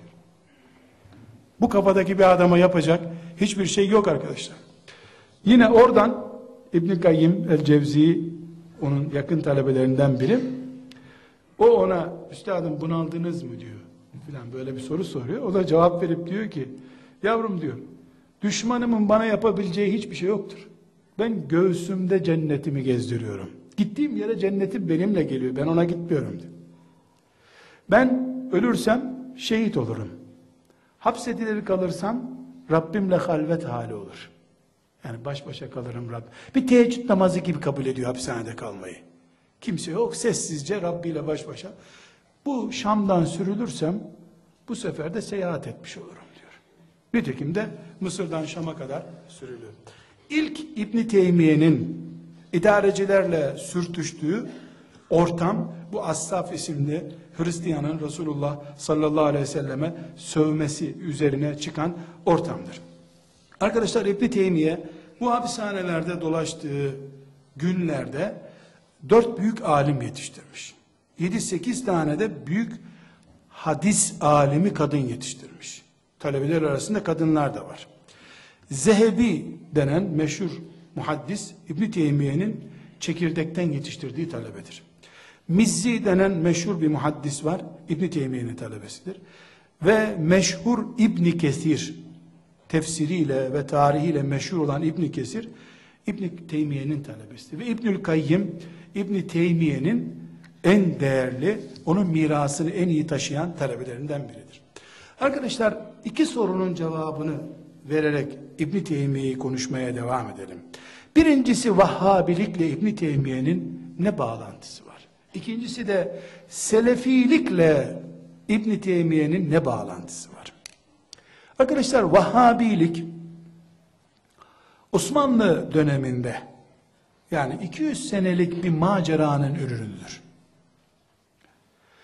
Suriye'de yaşayan Muhammed İbni Abdülvehhab isimli Necit asıllı akrabaları filan Necitli olan birisi Osmanlı'ya karşı yürüteceği harekette en iyi desteği dinden alacağını bilerek yola çıktı.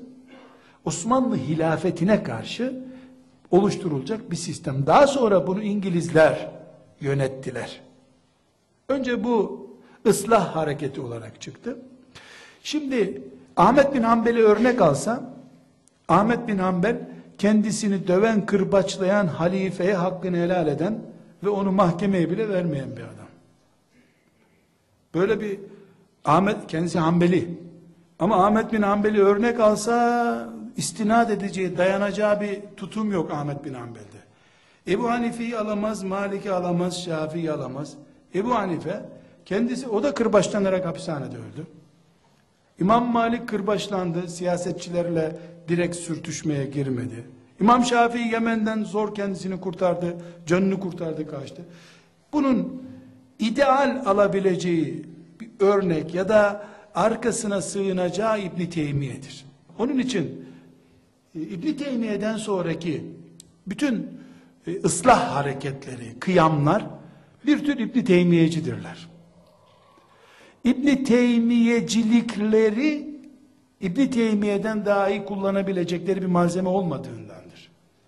Ama Muhammed bin Abdülvehhab bu yatırımı yapınca dünyanın en büyük petrollerin üstündeki devletin sahibi oldu. İbn Teymiye ise açlıktan öldü gitti. Nasıl İbn Teymiyeci bunu anlamıyorum tabi. Sadece İbn Teymiye'nin kitaplarını basıp o petrolden rızık olarak insanlara hediye ettiler o kitapları. İbn Teymiye'yi 20. asırda Vahhabiliğin esası olarak görmek e, akıllı bir tutum olmaz. Ama İbn Teymiye'yi Vahhabiler ne kadar kullandılar? Hala kullanıyorlar. Çünkü dediğim gibi Ebu Yusuf'u kullanamazsın. Seyyid Kutub'u da kullanamazsın. Çünkü Seyyid Kutup aslında Seyyid Kutup işlerine gelir. Seyyid Kutup'ta da tenkide. Seyyid Kutup da İbn Teymiye'den etkilenmiş biri. Seyyid Kutup mesela nerede bir adam hareketliyse İbn Teymiye'den etkilenmiştir o. Etkilenmemesi çok zor. Çünkü İbn Teymiye müceddit bir adam. Yani uyuşukluğu kaldırmaya çalışmış bir adam. Kıyamete kadar her uyuşukluktan sonra İbn Teymiye insülin gibi gelecektir karşına. Bir ilaç türüdür İbn Teymiye. Fikirleriyle ya da onu baz alıp kendin fikir üreteceksin. Fakat İbn Teymiye'nin arkadaşlar e, Vahhabiliğe benzetilmesi e, bence batıl bir şey. İbn Teymiye'nin zühdüyle alakaları yok. İbn Teymiye'nin fıkhıyla alakaları yok. İbn Teymiye'nin cihadıyla alakaları yok. Bir defa İngiltere'nin talimatıyla kurulmuş bir devlet, o devletin altyapısısın sen. Ee, İngiltere'nin Haçlı ordularına karşı kılıç kullanmış bir İbn Teymiye'nin uzantısı olamazsın sen. Suistimal edersin bu ismi. Ayrı bir konu. Selefiliğe gelince Selefilik kardeşler ümmeti Muhammed'in ashab-ı kiram ve tabi'in nesline bağlı olmak demektir. Selef onlar. Selef ashab-ı kiram ve tabi'in neslidir. Bir insan ben ashab-ı kiramın izinden gitmek istiyorum diyor ve samimi bir şekilde bunun için çalışıyorsa selefidir. Eğer buysa selefilik İbn Teymiye bal gibi selefidir. Ciddi bir selefidir. Ayıp mıdır ashab-ı kiramı taklit etmek? Hasan Basri'yi sevmek ayıp mıdır onu bilemiyorum. İdrak ve basiret meselesi bu. Ayıp da olabilir yani. Ayıp da olabilir. Kardeşler İbn Teymiye selefi mantıklıdır. Bunu kimse inkar edemez. Ancak İbn Teymiye bu mantığında partisinin tüzüğüne uygun olmak için, meşhur olmak için gibi dertlerle değil. İçtihadı ona bu yolu göstermiştir. İnsanlar şu tarikat, bu mezhep diye diye bölündü parça parça oldular. Bana Kur'an yeter, bana sünnet yeter e, diyen bir anlayışı vardır. İbn Teymiye eğer bu dili kullanırken yani bu şiddeti gösterirken edebiyat yapmayı bilseydi bugün dört mezhebinde bütün asırlarda hürmetle andığı biri olurdu. Dili çok sert. Hırçın bir dili var. Ee, Ahmet Faruk Serhendi yani İmam Rabbani İbni Teymiye ile karşılaştırıldığında yöreleri değişik. Biri Şamlı, biri Hindistanlı. Biri bir sülale, öbürü bir sülaleden geliyor. Onun dışında metotları, hareketleri aynı. İbni Teymiye de İbni Arabi düşmanıdır. Ee, İmam Rabbani de İbni Arabi düşmanıdır. Tam Türkçesiyle başlarım senin fususul hikeminden. Başlarım diyen bir adamdır Ahmet Faruk. Yani İbni, İbni Arabi'ye karşı başlarım diyen biri. Fütuhat-ı Mekkiye diye kitabı var İbn Arabi'nin. Bana ne senin Mekki kitabından medeni şeriatı getir bana diyor. Adamı Medine'nin dışında görüyor. Şeriat dilinde bunun ne anlama geldiğini hepimiz biliyoruz. Yani İbn Arabi ile savaştı. Bu savaşı İmam Rabbani de yaptı ama İmam Rabbani tasavvuf terbiyesi görmüş bir insan. Yani mum elinde yansa elim yanıyor demeyen bir tip. İbn Teymiye ile İmam Rabbani arasında bir fark yok. İmam Rabbani Hanefi mezhebindendir. İbn Teymiye Hanbeli ekolden gelmiş birisidir ama her halükarda ikisi de müceddit güçte insanlardırlar. Ee, Allah ikisinin de amelini kabul buyursun. Arkadaşlar İbn Teymiye'ye şimdi ben İbn Teymiye'yi anlattım, övdüm. Yani belki de yerdiğimi de düşünen olur. Ee, ama e, insanlar tek kalıplı bir gözle bakınca e, kime anlatsan ona itiraz edebiliyorlar zaten. Çok önemli değil. Allahu Teala'nın ne e, hangi sözden razı olacağını, hangi sözüden hoşlanmayacağını bakmak zorundayız biz. Ama buna rağmen aklımızda olsun. Hanefi ulemasının en büyük muhaddislerinden olan Ayni ve Ali Gülkari İbni Teymiye hayranıdırlar. Bu nedenle e, hadis konusunda Hanefi mezhebinin yetiştirdiği en büyük iki muhaddis, İmam-ı Azam'dan sonraki nesilde en büyük iki muhaddis Ayni ve Ali Gülkari'dir. Bunlar hadis tasihi ve tasayyifi konusunda güçlü isimler. Bu İbn Teymiye savaşçılığı yapanlar hayatta bunları alimden saymazlar. Bir kusur da bulamıyorlar bunda. Tek kusurları mesela Ali Gülkari diyor ki Allah'ın hiçbir asırda benzerini yaratmadığı bir adamdır diyor. Takvasına hayranlar, zühdüne hayranlar. Zaten İbn Teymiye biraz sonra örnek vereceğim. Üç konudaki görüşleri olmasa İbn Teymiye'nin takvasına herkes hayran. Zavallı bülbül dilinden çekmiş ne çektiyse. Mesela Suyuti, İbn Hacer bunlar e, hayranıdırlar. Bunlar da hayranıdır. İbn Hacer hadis ilminde zirve bir insan. Suyuti ümmeti Muhammed'in büyük adamlarından birisi. Arkadaşlar üç fıkhi fetvası İbn Teymiye'yi hapse düşürdü. Üçünden de hapse alındı. Üçüncüsünde de hapishanede şehit oldu.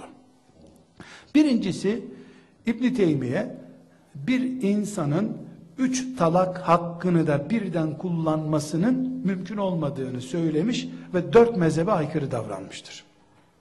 Dört mezhebi de yok saymıştır bu konuda. Ee, ama çok enteresan Kur'an'a dayanıp bunu yapmıştır. Dört mezhep de Hazreti Ömer'in iştihadına binaen ümmetin maslahatını koruyarak bu iştihadı göster. Der ki el hak dört mezhebin yaptığı yüzde yüz mübarek bir işti. İbn Teymiye e, maslahat muslahat için şey yok. Allah'ın şeriatında böyle bir hüküm yok. Yani bir insan üçten 9'a kadar filan boşadım deniyor ya. 30'a kadar bile boşasan bir talak sayıyor bunu. Şimdi İbn Teymiye öcü möcü ama karısını boşayan herkes İbn Teymiyecidir arkadaşlar. Hemen öyle bir İbn Teymiyecilik çıkıyor ki aslında iştihat varmış bu konuda deniyorlar. Mesela Türkiye'de Diyanet İşleri müftülükler İbn Teymiye'ye göre fetva veriyorlar. İbn Teymiye nasıl adam dedin mi de ne dedikleri bildiğimiz bir şey. İkincisi arkadaşlar talak üzerine yemin yoktur diyor. Bu da nedir? Yani bunlar İbn Teymiye'yi öldüren suçlar. Ve İbn Teymiye'yi zındık, kafir. Mesela adam kitap yazmış İbn Teymiye Şeyhül İslam diyen kafirdir demiş. Kitap yazmış bu konuda eski ulemadan. Bunun sebebi ne? Bu bahsedeceğim şey. Mesela adam diyor ki karısına sen bir daha abinlerin evine gidersen boz. Buna talak yemini deniyor. Adam vallahi billahi der gibi bunu söylüyor. İşte şunu yaparsa mesela bir daha ben şunu yaparsam karın boş olsun. Boş sözler ama dört mezhebe göre bunun e, gerçekleşmesi halinde kadın otomatik boş oluyor. Böyle bir fetva var. Dört mezhebin uygulaması bu cumhurun yani ümmeti Muhammed'in iştihad eden alimlerin göre. İbn Teymiye bunu da yok saymış. Böyle bir şey olmaz demiş. Üçüncü fetvası da kabir ziyareti yoktur diye bir fetva vermiş. Yani bunu niye dediğine dair ayrıntılara maalesef giremeyeceğim. Bu söz çıkınca da Şam kalesine hapsedilmiş. O hapisle beraber de ahirete intikal etmiş. Bu e, konularda daha sonra onlarca kitaplar yazıldı. Onlarca doktora tezleri hazırlandı.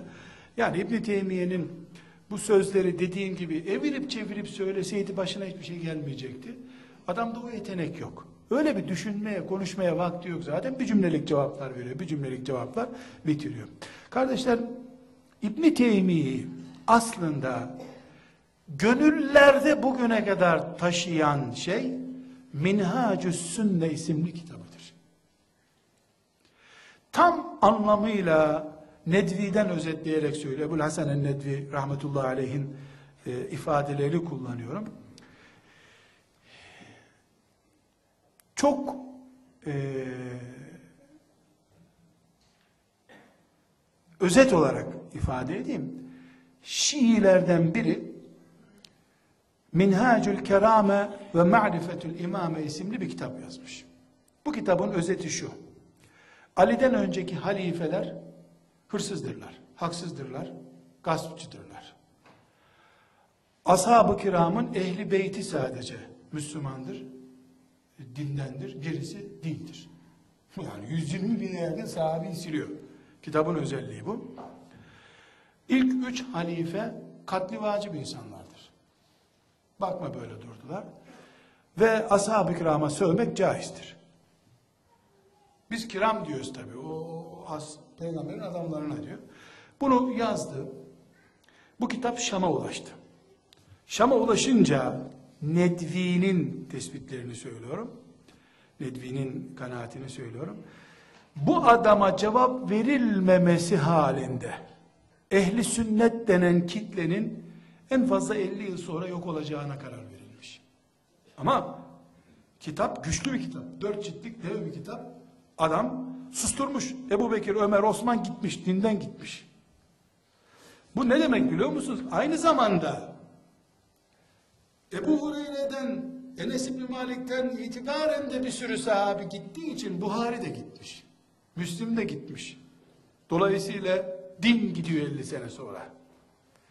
İbn Teymi'yi hem hapse atmışlar hem de bu kitabı götürüp buna Allah rızası için cevap versene demişler.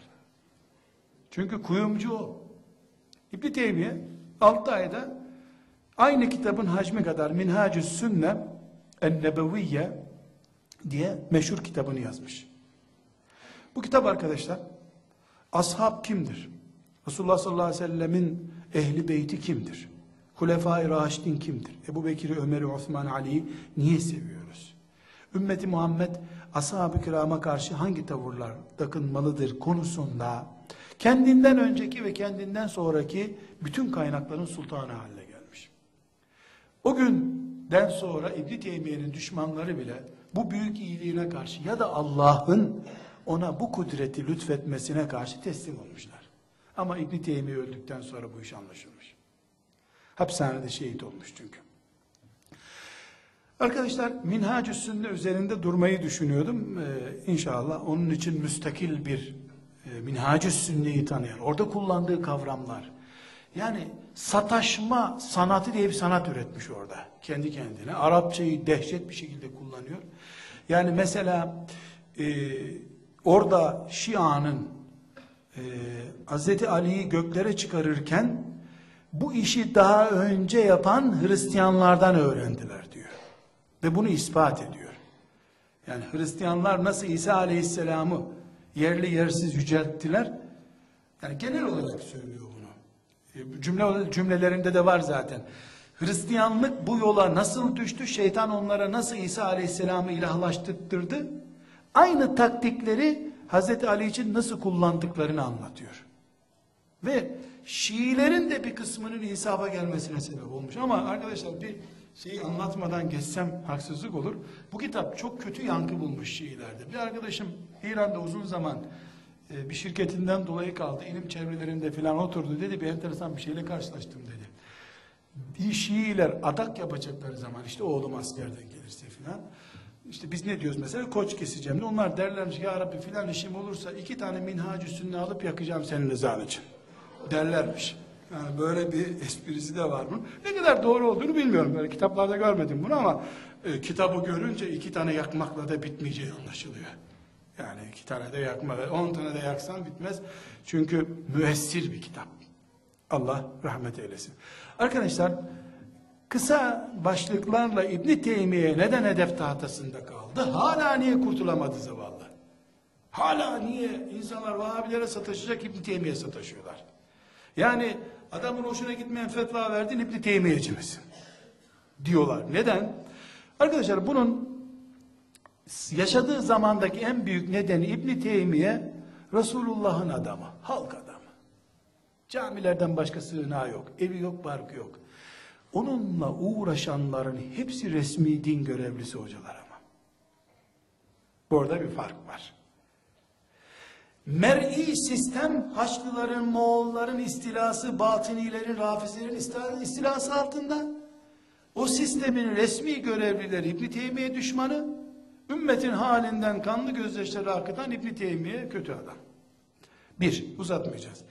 İki, arkadaşlar dehalığın şartlarından biri çok tenkit görmektir. Sıradan adam deha olmaz zaten. İbn Teymiye deha bir adam. Yani dini kötü diyelim, takvası kötü, aklı çok adamın. Zeki. Yani ezber bildiği kitaplar e, böyle 10 cilt, 20 cilt değil arkadaşlar. Canı sıkılınca kitap ezberliyor adam. Dinlenmek için kitap yazıyor. 500'e yakın kitabı ne olduğu, olduğunu söylüyor İbn Kayyım. Kayıp 150 civarındaki şu anda elimizde var. Hapishanelere falan gidince yanmış, yıkılmış kitaplar, kaybedilmiş. Yani adam yoruldukça kitap yazıyor. O kitaptan yorulunca okuyor 5-10 cilt. Bir gecede 10 cilt kitap okuyor adam. Lambası yok, bir şeysi yok. Güneş ışığında, ay ışığında kitap okuyor. Deha. Deha olmanın bedeli var arkadaşlar. Üçüncü özelliği gerçekten İbn Teymiye zamanının alimlerinin belası oldu. Ne güzel basma kalıp ifadelerle caizdir değildir işi bitiriyorlardı. Mesela arkadaşlar çok enteresan. Burada zikretmek istemiyorum. Moğolların, Haçlıların geldiği zamanlarda İbn Haldun da vardı. Ama İbn Haldun'un bir refleksi yok bu olaylara karşı. Sosyolog kafasıyla bunları çözmeye çalışmış. Onun için Avrupalılar İbn Haldun'u çok severler. Yani bu onun tenkidi için söylediğim söz değil. Gerçeği söylemek lazım. Hani onun İbn Teymiye'nin zamanında da nerelere kaçalım? Nasıl kurtulalım Moğollardan denirken İbn Teymiye nerede karşılayalım bu adamları demiş. Nere kaçalım da nerede karşılayalım arasında çok fark var. Biri kitap yazarak cihad ettiğini düşünmüş, öbürü de akşam yazdık kitabı gündüz de cihad edelim demiş. Başının belası yani çomak sokmuş arı kovanına. Zehirli meyirli bal üretiyormuş bu adamlar çomak sokmuş. Çomak sokunca da arılar bunu sokmuş. Dördüncü özelliği arkadaşlar İbn Teymiye sert dilli bir adam.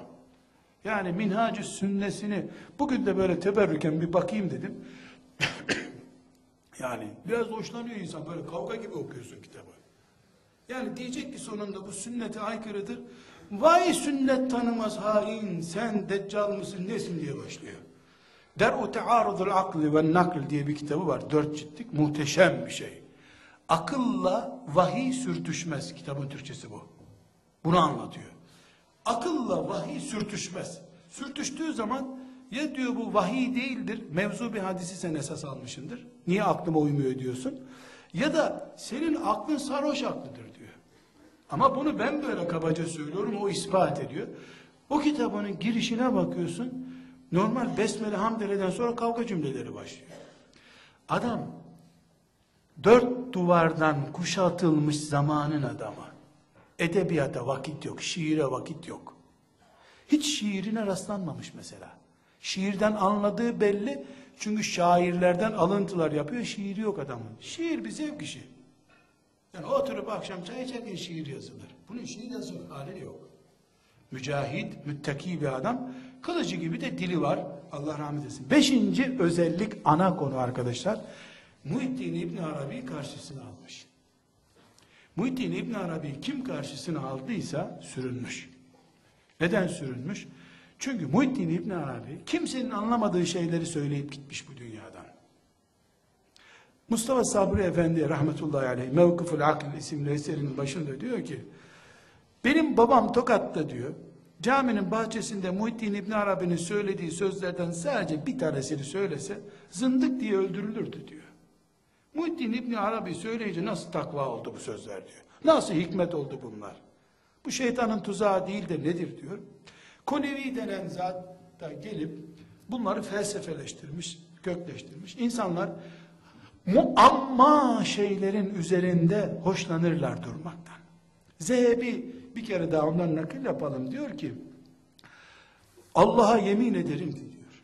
Müslümanların hepsi inek çobanı olup sadece namaz kılacak kadar Fatiha ve iki tane sure bilip namaz kılacak kadar ilimleri olacak olsa şu adamın kitaplarını okumalarından daha iyidir bence diyor. Muhittin İbn Arabi'nin Fususül Hekem Fütuhatül Mekkiyesini filan kastederek söylüyor. Neden? Çünkü yani bunlar ümmeti Muhammed'in başına sorun oluşturdu. Yalnız arkadaşlar burada bir şeyin üstünü ve altını kenarını çizelim. İki türlü tasavvuf var. Bir zaviyelerde, tekkelerde kendini Allah'a vermiş ibadetle meşgul olan tasavvuf var. İbn Teymiye bunu öve öve bitiremiyor zaten. Abdülkadir Ceylani dedin mi ağzından ballar akıyor. Bir de masa başında tasavvuf var. Hallaçla başlayan, Muhittin İbn Arabi ile resmileşen, Konevi ile sistemleşen masa başı tasavvuf var. Yani Yunan felsefesini şeriatın özü haline getiren felsefeden kaynaklanan tasavvuf var. İbn Teymiye'nin savaştığı tasavvuf bu tasavvuftur. Ama bu ayrımı yapmadan İbn Teymiye'nin tasavvufla, zikirle mücadele ettiğini söylediği zaman insan iftira etmiş olur. Hesabını verir kıyamet günü. İbn Teymiye evet karşısına tasavvufu aldı. Ama masa başında Muhittin İbn Arabi'nin yazdığı tasavvufu karşısına aldı. İbn Teymiye mesela mezarlara gidip ey buradaki veli beni mağfiret et günahlarımı affet diyenin bulunduğu zamanda yaşamış. Müşriktir bunu diyen diyor. Şimdi de fetva budur. Bir insan bir sahabinin kabrine gidip işte ey sahabi filan affet beni günahlarımı affet dese bu cümle Allah için söylenir. Fetvasında belki yüz yerde bunu söyleyene müşrik olduğuna dair fetvası var. Aynı şekilde mesela e, onun zamanında eğer henüz kemale ermediysen türbe ziyaret etmen, hac etmenden eftaldir diye fetva vermişler.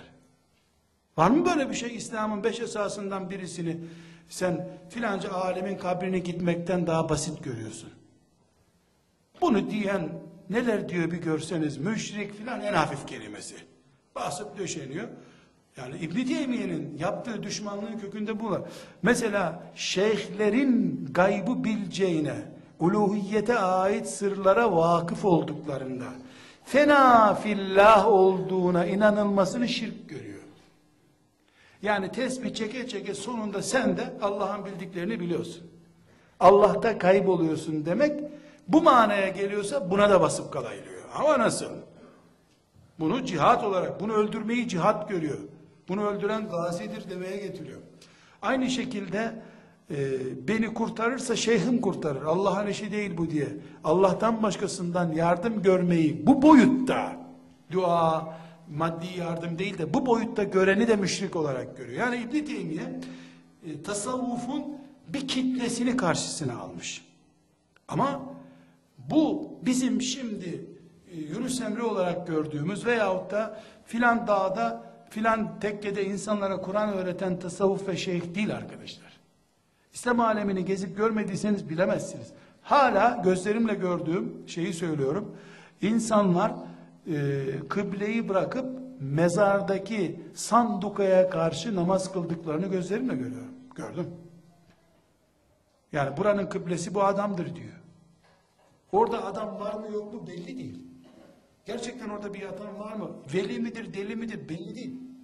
Adam gelmiş. Yani böyle bir itikat sıkıntılarına karşı İbn Teymiye müceddit adam imanı, akideyi ashab-ı kiramın e, düzeyine ve zamanına taşıma mücadelesi yapıyor. Mesela İbn Teymiye kazara senin ashab-ı kiramdan daha değerli birisi olur diye bir cümle ağzından çıktıysa ya da senin okuduğun kitabın kenarında gördüyse ki Ebu Bekir'den, Ömer'den, Osman'dan, Ali'den iyidir filanca gittin. Sana ne diyeceğini Allah'tan başkası bilemez. Ashab-ı kirama toz konduran İbn Teymiye'nin girdiği diyara giremez. Ama ashab-ı kiram da kendilerini böyle görüyorlardı. Peygamber Efendimiz de benim ümmetimin en hayırlısı bu insanlardır diyordu. Ama her halükarda e, İbn Teymiye'nin özellikle dört halifeyi diline dolayana karşı affı yok. İbn Teymiye arkadaşlar e, kısaca özetleyecek olursak zamanının gereklisi bir adamdı. Şimdi ne kadar uyarlanabilir? Bu zamana ne kadar uyarlanabilir bilemiyorum. Ama zamanının gereklisiydi. Her insan gibi, her alim gibi yanlışları da oldu. Hatalar da yaptı. Sahih dediği hadislerin zayıf çıktığı oldu. Bu hadis zayıftır dedi, hadis sahih çıktı. Yanıldı. Ne masumdu, ne melekti. İbn Teymiye gelmiş geçmiş insanlardan birisidir. Zamanındaki rolünü oynadı. Haçlılara karşı ümmeti Muhammed'i şuurlandırdı. Ümmeti Muhammed'e örnek oldu. Biz onun güzelliklerini alıp mesela Kur'an'a bağlılığını, sünnete bağlılığını, e, ümmeti Muhammed'in Kur'an ve sünnetten kaynaklanan iştihat erbabı yetiştirmesindeki arzularını, ashab-ı kiram sevgisini, ashab-ı kiramın fitnesine bulaşmamayı ve benzeri sözleri İbn Teymiye'den alıntılasak İbn Teymiye bizim için iyi biri olur. Ama İbn Teymiye diye İngilizlerle işbirliği yapmış bir kitleyi görürsen sen. İbn Teymiye diye ana baba hukuku tanımayan iki tane serserinin oluşturduğu bir derneği İbn Teymiyeci zannedersen yani İbn Teymiye'nin kitabı orada var diye mesela filan radikal grup İbn Teymiye okuyorlar. Bu İbn Teymiye böyle. O filan grup Ramazan'da da mukabele okuyorlardı. Kur'an'ı da mı sileceksin kültürden? Yani İbn Teymiye'nin ne suçu var onların okuyorlarsa? İbn Teymiye kesinlikle masum değildi. Benim gibi bir adamın bile onun emsallerinden yaptığım alıntılarla yanlış olduğunu ya da yerinde olmadığını düşündüğüm sözleri var. Melek değil yani masum. Böyle bir iddiası yok zaten. Kendisinin e, kendisini değerlendiren sözleri var. Çok yaygın yani aşağı yukarı 150 cilde yakın kitabı var piyasada. E, bu, o sözlere bakıyorsun kendisini ilahlaştırmıyor, abartmıyor. Zavallı bir Allah dostu olarak görüyor. E, dostu olmaya çalışan biri olarak görüyor. Ama düşmanlarına karşı haşin bir adam. Onun düşmanı kim? Haçlı. Berbatlık burada zaten. Haçlılar, Moğollar, Batıniler, Rafiziler, tasavvuf erbabı. Bunlar da sünnete ters davrandıkları zaman bunun düşman listesinde. Normalde alimler de tasavvufun, rafiziliğin, batıniliğin yanlış yönlerine müdahale ederler. Ediyorlar nitekim. Mesela biraz önce örnek verdim. Ahmet Faruk Serhendi de tasavvufa sataşıyor. Bu böyle şey olur mu? Allah'ın şeriatını takmayan tasavvuf olur mu diye İmam Rabbani söylüyor. Ama söylemekten söylemeye fark olmasından çıkıyor bunlar herhalde. Allah bize de Allah için, din için, şeriat için çalışıp gayret eden şuurlu bir anlayış, idrak lütfetmesini niyaz ediyorum. Ve sallallahu aleyhi ve sellem ala seyyidina Muhammed ve ala aleyhi ve sahbihi ecma'in velhamdülillahi